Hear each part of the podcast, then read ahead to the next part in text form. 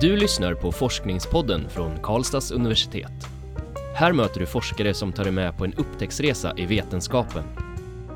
Den här podcasten görs av publiceringsstöd vid universitetsbiblioteket.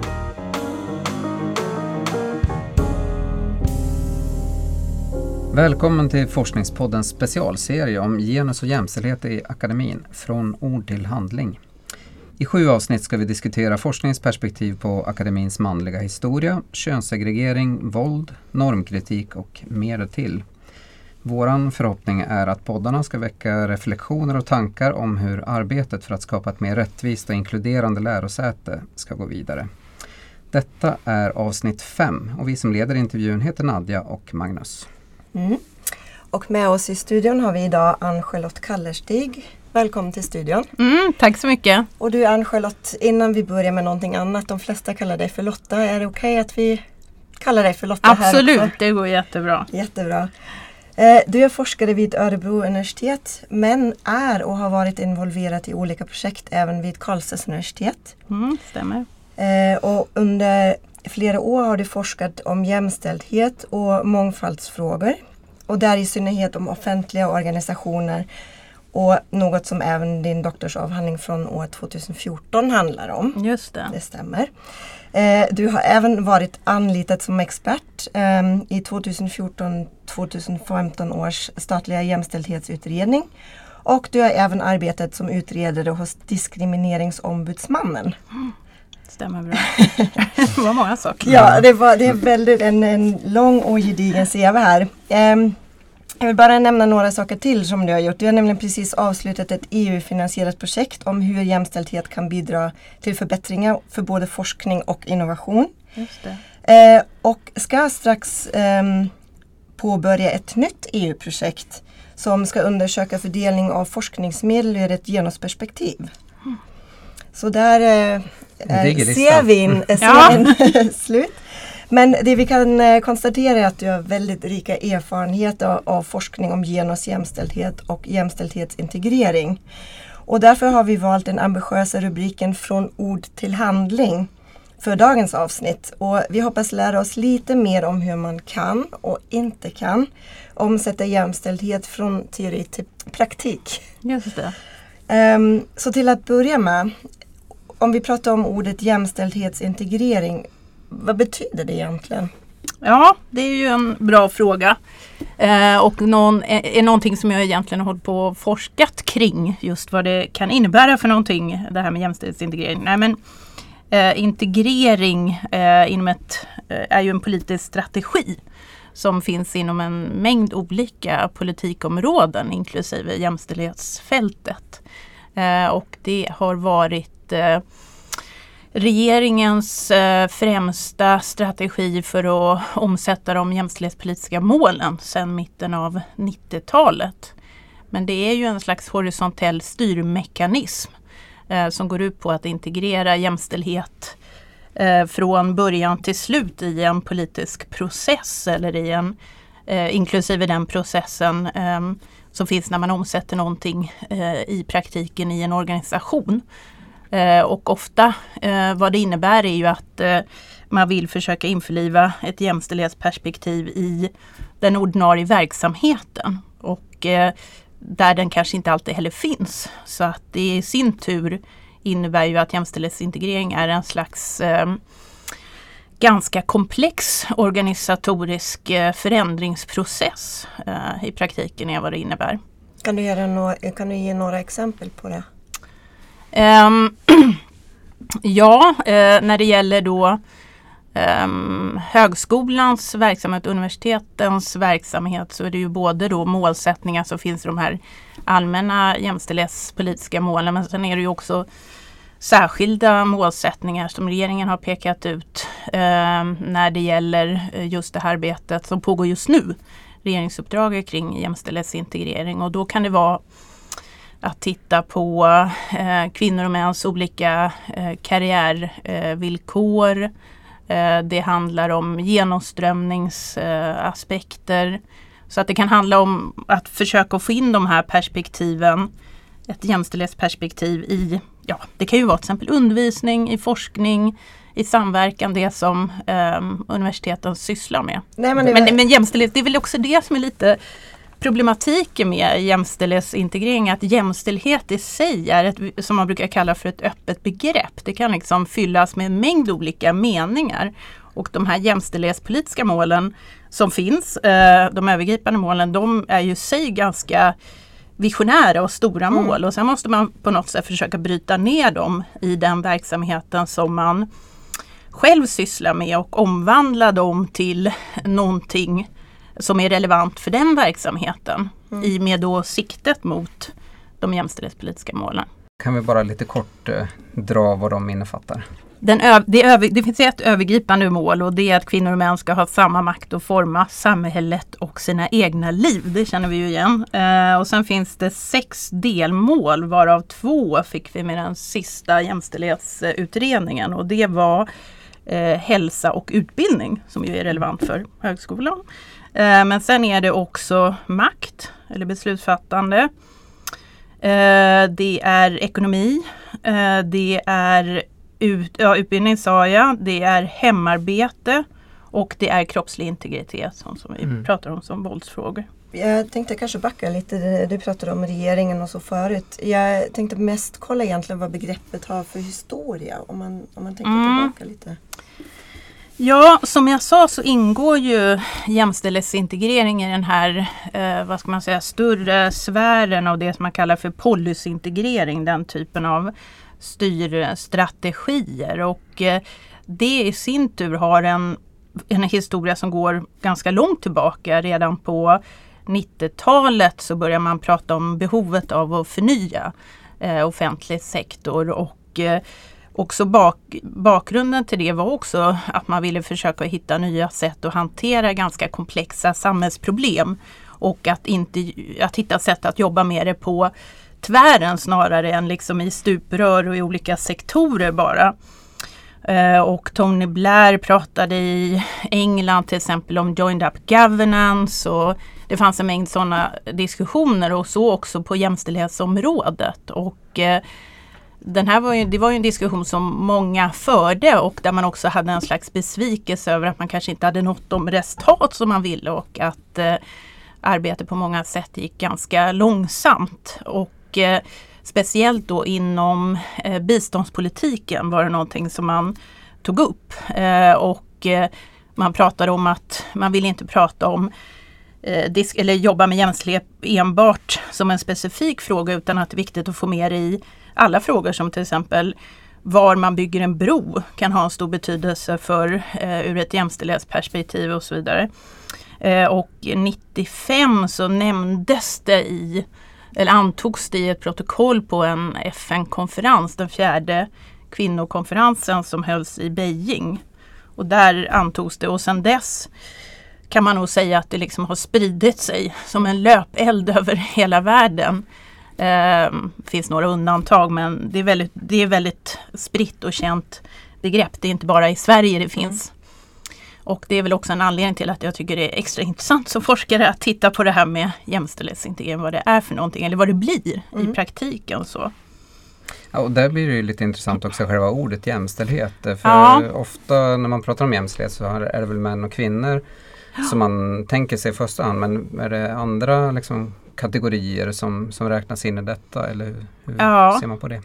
Ja som sagt jämställdhetsintegrering som en politisk strategi i Sverige utgår ju från de jämställdhetspolitiska målen och de utgår ju ifrån eh, att man utifrån ett könsperspektiv synliggör eh, skillnader i förhållande till de här politiska målen som jag nämnde och också hur man ska kunna jobba med dem. Men samtidigt så vet vi ju sedan en lång tid tillbaka, inte, inte minst inom genusforskningen har man ju diskuterat hur genus ofta, eller kön, jämställdhet, hur det påverkas av en mängd andra faktorer. Att det är svårt att eh, enbart isolera någonting till att det bara skulle handla om kön utan det kan handla om eh, en mängd andra aspekter, eh, andra maktordningar också. Och man har också diskuterat hur det finns en slags problematik i om man inte tar med andra eh, maktordningar så är ju risken då att man själv befäster en en norm eller att man i jämställdhetsarbetet bara jobbar med en viss typ av problematik egentligen kanske eh, en mindre grupp eh, av människor mm. eh, i samhället. Och också har man tagit upp att om man inte har med det vi kallar då för ett intersektionellt perspektiv. Det kanske är ett mm. ord som också behöver förklaras vad det är för något. Men eh, jag kan Lite göra kort det. kanske. Ja. känner att nu börjar jag bli så här föreläsarmod här. Nej, men, eh, intersektionalitet kommer ju från engelskans intersection och det står ju för vägkorsningar och det är just det här ett sätt att förstå hur olika maktordningar möts och bildar någonting som är specifikt eller speciellt eller kontextuellt så. Och eh, begreppet, eh, en person som är ganska känd som eh, pratar om intersektionalitet var Kimberly Crenshaw som är en juridikprofessor från Harvard och hon diskuterade det i samband med ett fall som var på General Motors i USA där svarta kvinnor blev diskriminerade och då eh, blev det en problematik för att när man kom till rätten så ville man då fastställa diskrimineringsgrund, vilket är viktigt då. Eh, och då sa man jaha, svarta kvinnor, men då är det könsdiskriminering. Och då sa, hävdade man nej det är det inte för att det är inte alla kvinnor i utan det är de svarta kvinnorna som blir diskriminerade. Ja, men då är det, handlar om diskriminering utifrån ras eller etnicitet. Eh, nej, det är inte liksom alla svarta på General Motors, det är just de svarta kvinnorna. Och då var det liksom en, diskriminerings, en diskriminering som föll lite mellan stolarna. Mm. Och det var därför hon började argumentera för att det finns en viss typ av ojämlikhet som uppstår i just i de här mötet mellan olika eh, maktordningar. Mm. Eh, och eh, en sak som man har kommit på är ju också att om man inte tar med sig det här så kan det också bli ganska svårt att det säger sig själv att liksom designa bra lösningar för att komma till rätta med ojämställdhet också. Mm. Eftersom den kan se olika ut också mm. för olika grupper. Ja, om vi försöker bryta ner det här med jämställdhetsintegrering lite mer i, i, praktiken så att säga. Om en, om en organisation vill gå från ord till handling just, mm. eh, vad bör den göra? Mm. Ja, eh, när jag började egentligen min forskning om det här, då hade jag ju själv också en praktisk erfarenhet av att jobba med eh, jämställdhet och mångfaldsarbete och jag undrade just det Uh, och jag undrar framförallt också vad är det för liksom, de här organisationerna som ly lyckas med sitt arbete, vad gör de? Mm. Och vad är skillnaden mot de här som inte lyckas och varför blir en jämställdhetsplan ibland en sån här ett levande arbete och ibland blir det bara en skrivbordsprodukt. Så då börjar jag uh, att uh, titta på vad tidigare forskning egentligen har sagt om det här.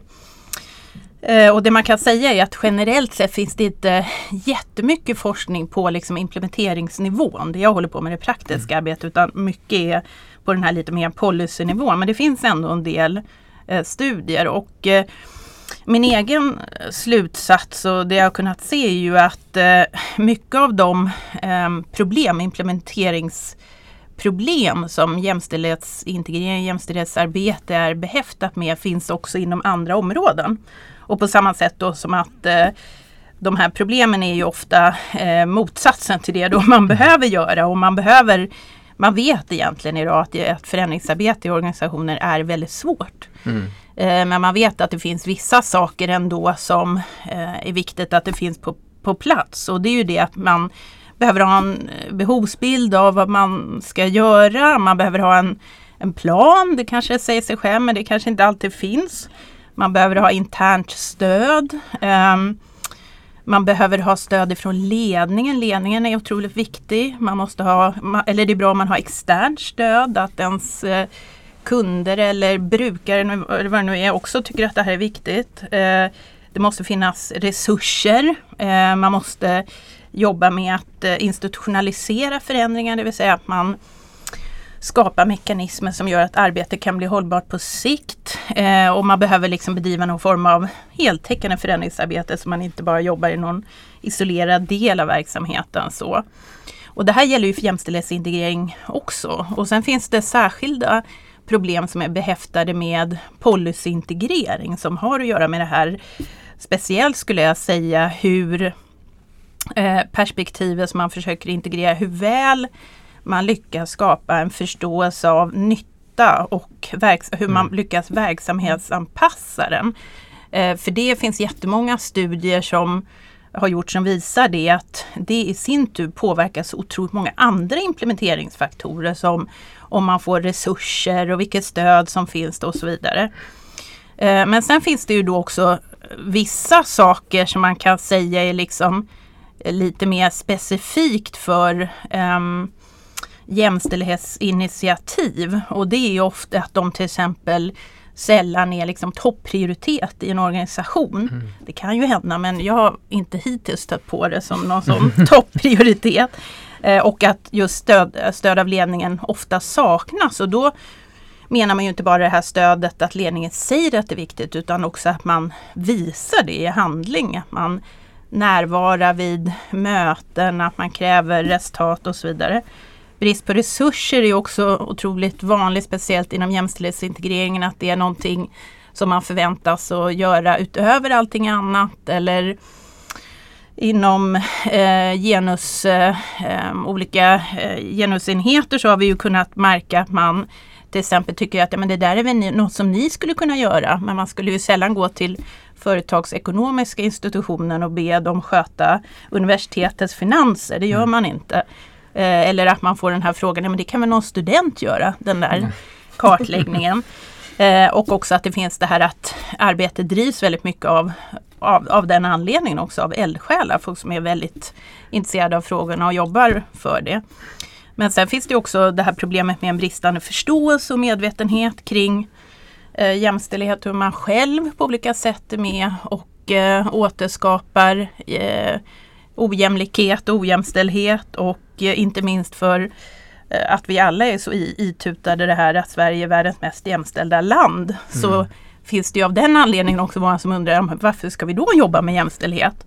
Och det är ju en, ett hinder i sig. Eh, och sen finns det annat som har att göra med att jämställdhetssatsningar ofta bedrivs i projekt, i korta, ehm, eh, i korta projekt och det kan vara jättebra, de kan få bra resultat men sen när projektet är slut, pengarna är slut, projektledaren slutar så försvinner lite frågan ifrån organisationen. Mm.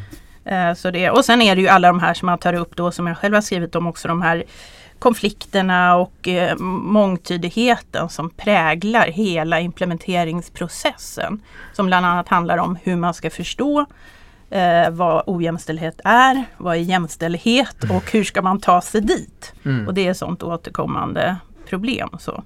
Kan du berätta lite mer om det? Alltså det här kulturella perspektiven eller konflikter. Vad är det, vad är det som händer och vad finns det för stötestenar där? Och eh, man brukar egentligen, det, det är inte alltid så att det är så enkelt så att det är en, en konflikt mellan eh, en medarbetare som vill arbeta med en oförstående chef utan det kan också vara konflikter mellan olika jämställdhetsaktörer i organisationer som vill förändringsaktörer som kanske har olika syn på vad som är problemen, vad är de viktigaste problemen, vad ska vara lösningen och hur tar man sig dit. Så att det finns liksom konflikter på väldigt många olika plan. Mm. Man pratar ju ibland om det här med att det är motstånd och så vidare men när man går in och jobbar med att försöka införliva ett jämställdhetsperspektiv i, i en organisations kärnverksamheter så gör man ju själv på sätt och vis motstånd också mot en rådande ordning som finns. Och det, man pratar ju ibland om det här med organisatorisk tröghet och ja, så att det finns en massa sådana aspekter som också kan skapa konflikter. Men mångtydigheten i sig den kan ju leda till jämställdhetsintegrering är ju ett intressant fall för att när man alla vill ha jämställdhet. Och det har vi sett i vår forskning också att det är väldigt många som självklart kan skriva under på det och alla ledningar gör det.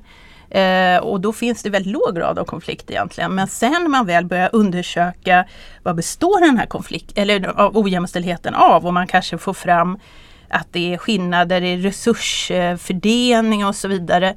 Då blir den här konf- konfliktpositionen mycket mer synlig och tydlig.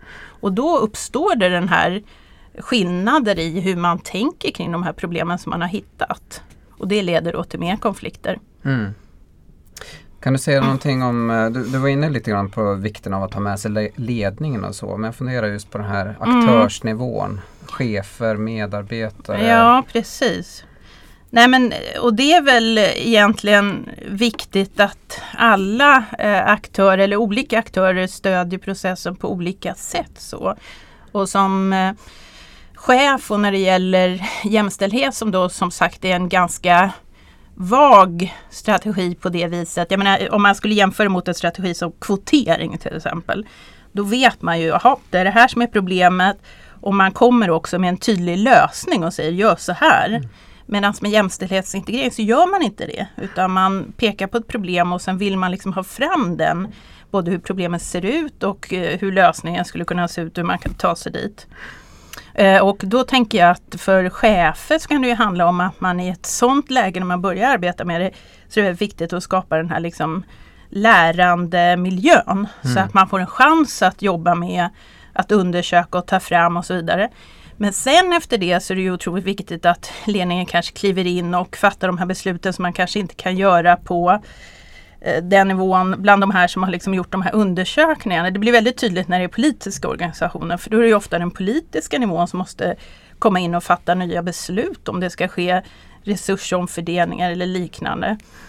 Och då är det ju väldigt viktigt att det sker och att det sen då eh, blir eh, att man i liksom nästa skede skapar mekanismer som handlar om styrning och uppföljning och, och fortsatt utvärdering, fortsatt lärande och så vidare. Mm. Och då får man en liten annan roll som chef.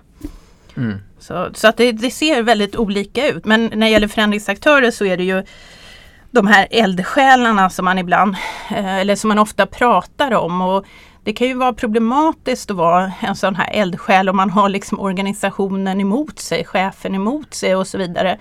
Då kanske man inte har så stort handlingsutrymme men det vi har kunnat se är ju att eh, eh, många av de här personerna som har jobbat länge med jämställdhet att de är ganska skickliga förändrings eh, ledare, förändringsaktörer, att de ofta kan se möjligheter när de uppstår och så kanske de hakar på det och så får de loss lite resurser och så hittar de lite nya eh, aktörer mm. och samarbete och det kanske finns någon chef som är positiv och, och så jobbar man på det viset hela tiden mm. väldigt så här um, vad ska man säga, det lilla så liksom.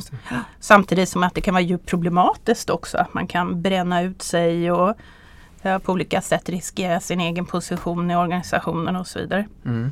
Jag funderar på en sak, du nämnde ju att eh, själva idén uh, jämställdhetsintegrering eller strategin kom redan 90, alltså mitten på 90-talet ja. med Beijingkonferensen där. Mm. Uh, så att vid det här laget så har vi drygt 20 års erfarenhet ja. av det här. kan man se någon liksom, väldigt uh, stor skala, någon utveckling? Blir organisationen bättre nu då tack vare ja. den, den liksom samlade kunskap som borde finnas kring det här området? Ja, Går det snabbare precis. att få och, och göra implementeringen? Ehm, ja, man måste nog titta på olika eh, områden i sig och i vilket, eh, på vilket sätt man har stött utvecklingen inom olika områden. Men generellt sett när man har tittat inom EU så har man ju kunnat se att eh, det varit lättare för jämställdhetsintegreringen att få fäste inom vissa områden som kanske sociala frågor och så vidare. Men samtidigt så kan man ju se att det som är intressant är ju också att jämställdhetsperspektivet kommer in på många områden där det tidigare inte har funnits.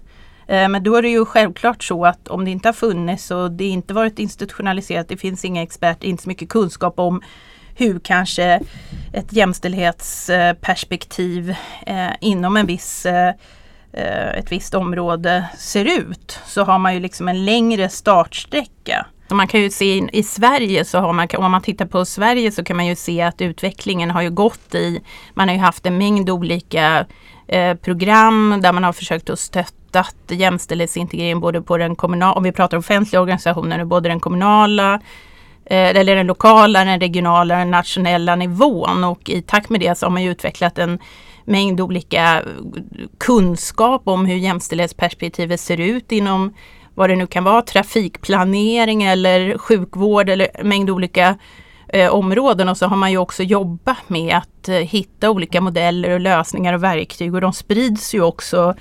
Det finns ju numera en hemsida som eh, nationellt som samlar sådana här verktyg mm. och det finns konferenser och det finns en större professionalitet. Det finns eh, det anställs personer som jobbar med det, det finns utbildningar och så vidare. Mm. Så att det finns ju en, eh, en progression skulle jag säga i, inom området. Mm. Så.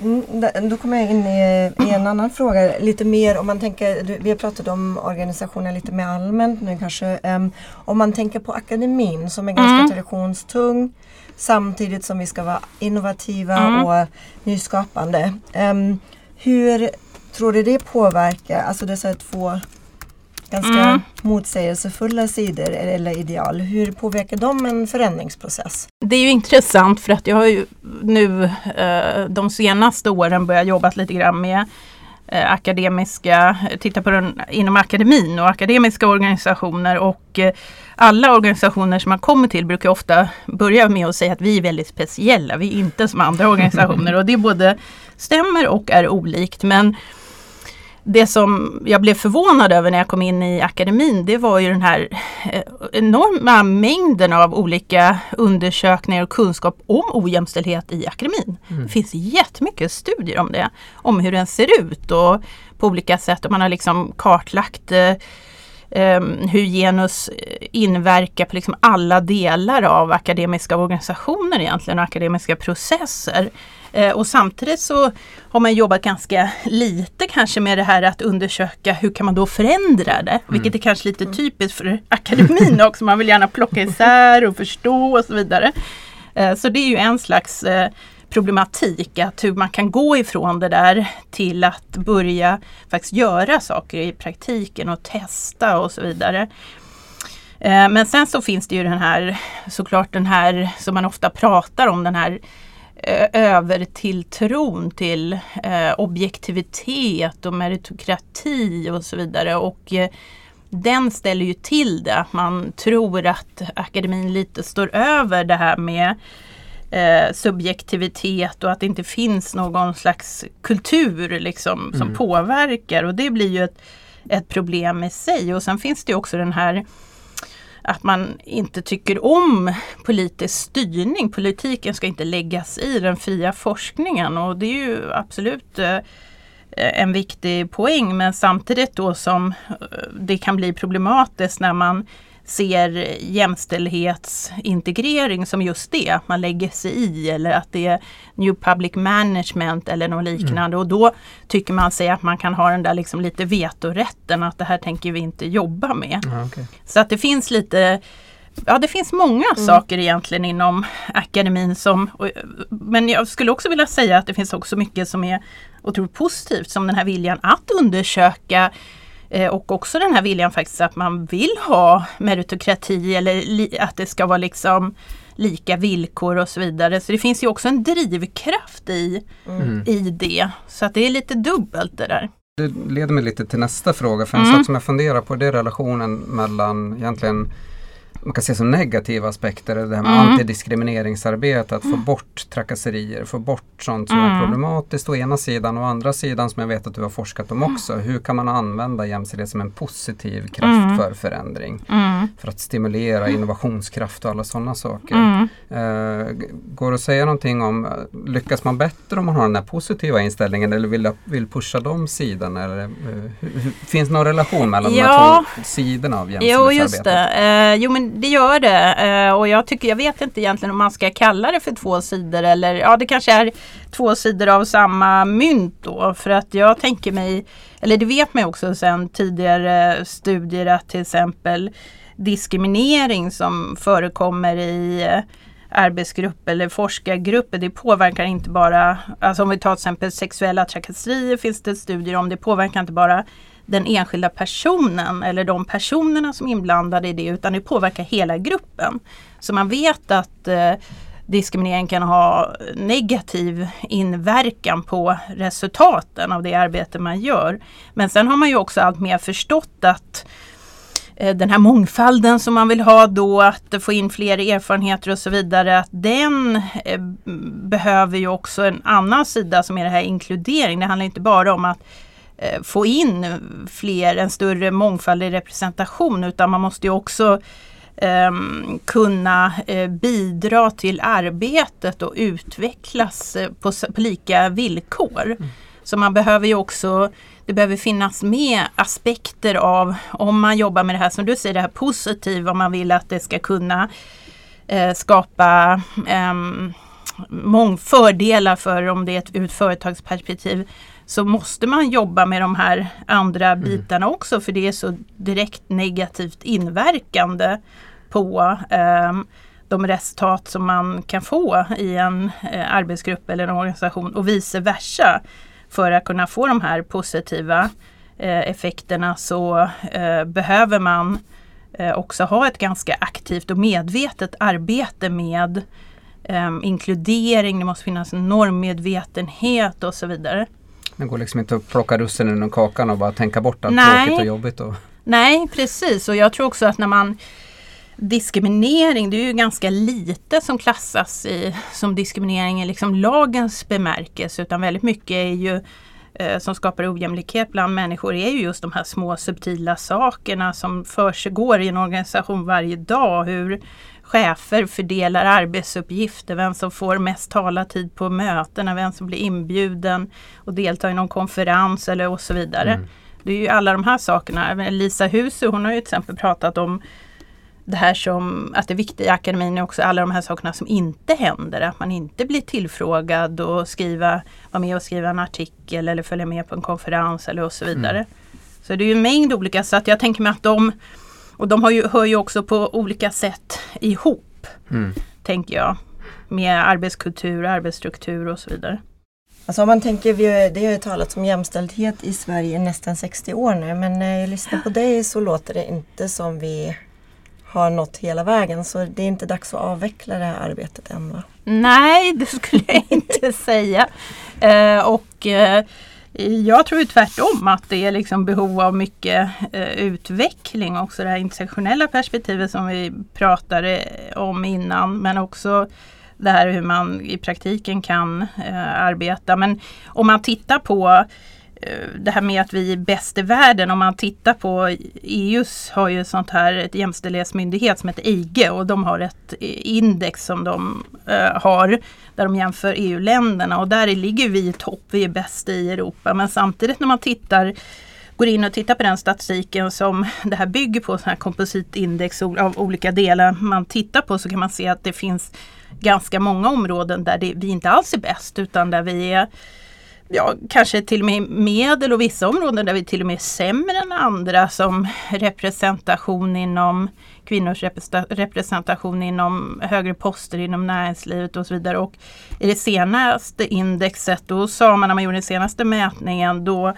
sa man att eh, i Sverige om man jämför med andra länder så går utvecklingen lite långsammare än andra länder och vi har också gått bakåt på vissa då som jag nämnde det här med fattigdomsperspektiv och ekonomi och så vidare. Så att det är inte så självklart heller att man bara kan luta sig tillbaka och tro att vi liksom har nått en viss nivå och nu kommer vi finnas kvar där. Utan det också, handlar också om att kämpa, och kämpa för att behålla den nivån och också eh, ta in de här andra aspekterna som behövs för att kunna liksom skapa utveckling. Har du några konkreta råd till oss här på Karlstads universitet hur vi skulle kunna gå vidare och bli bättre? Vi har forskning ja. kan bygga på. Men vad är det vi, du tror vi skulle behöva göra? Uh, för att jobba med jämställdhetsintegreringsuppdraget menar ja, du? Precis.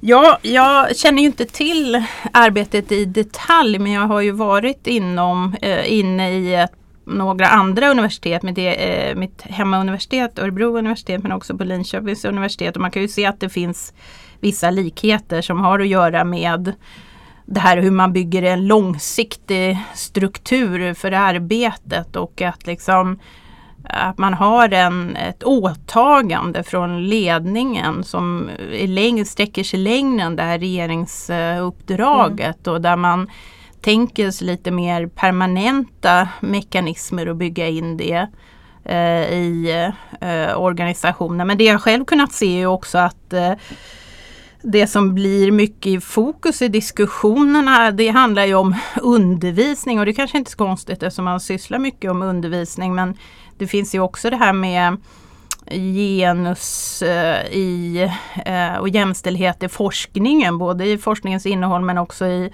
hur man kan jobba mer i forskarteam och så vidare, publiceringsstrategier. Det handlar om forskningsfinansiering och så vidare. De här intern forskningsfinansiering och sånt som man, de är ju svårare att ta på mm. och det kräver nog eh, och de, det krävs nog, de är mer heta potatisar och det krävs nog mer också av ledningens engagemang i det. Men sen tror jag också på det här med att eh, som sagt att eh, eftersom det finns ju den här grund Många som jobbar inom akademin drivs ju av den här liksom nyfikenheten och vill utforska och vill utveckla så finns det ganska stort engagemang och det är inte så svårt egentligen att skapa en grupp som vill jobba med de här frågorna. Men det som kan vara problemet är ju resurserna. Mm. Det måste finnas resurser. Och, man, och speciellt tror jag i universitetsvärlden där vi har den här ständiga diskussionen om OH påslag. Jag träffade en från företagsvärlden häromdagen som så, så berättade om, sen är OH, va? Vad är OH för någonting? Oj, så, oj, oj, det är en stor grej inom, inom akademin. Så. Och det är klart att när man bedriver den här typen av utvecklingsarbete då blir det ju så, jaha men varför ska vi, kommer inte det här riskera att höja OH då? Och hur ska det hanteras? Var ska pengarna komma ifrån? Och så vidare och så vidare. Men tycker man att det är viktigt så får man ju prioritera det och lägga pengar på det. Och jag tror att det är en framtidsfråga och liksom för universiteten också att mm. börja på allvar jobba med eh, de här frågorna. Det finns allt att vinna på det. Det tar vi med oss, ja. tycker jag. Absolut. Så eh, varmt tack Lotta att du gästat Forskningspodden idag. Och eh, i nästa tack. avsnitt från ord till handling kommer vi att träffa Manuel Almberg Misser som är adjunkt i genusvetenskap och som undervisat om och arbetat konkret med förändringsarbete i många år. Eh, vi kommer att samtala med honom under rubriken Normkritisk pedagogik. Välkommen tillbaka! Du har lyssnat på Forskningspodden från Karlstads universitet. Den här podcasten görs av publiceringsstöd vid universitetsbiblioteket. Alla avsnitt hittar du på kau.se forskningspodden.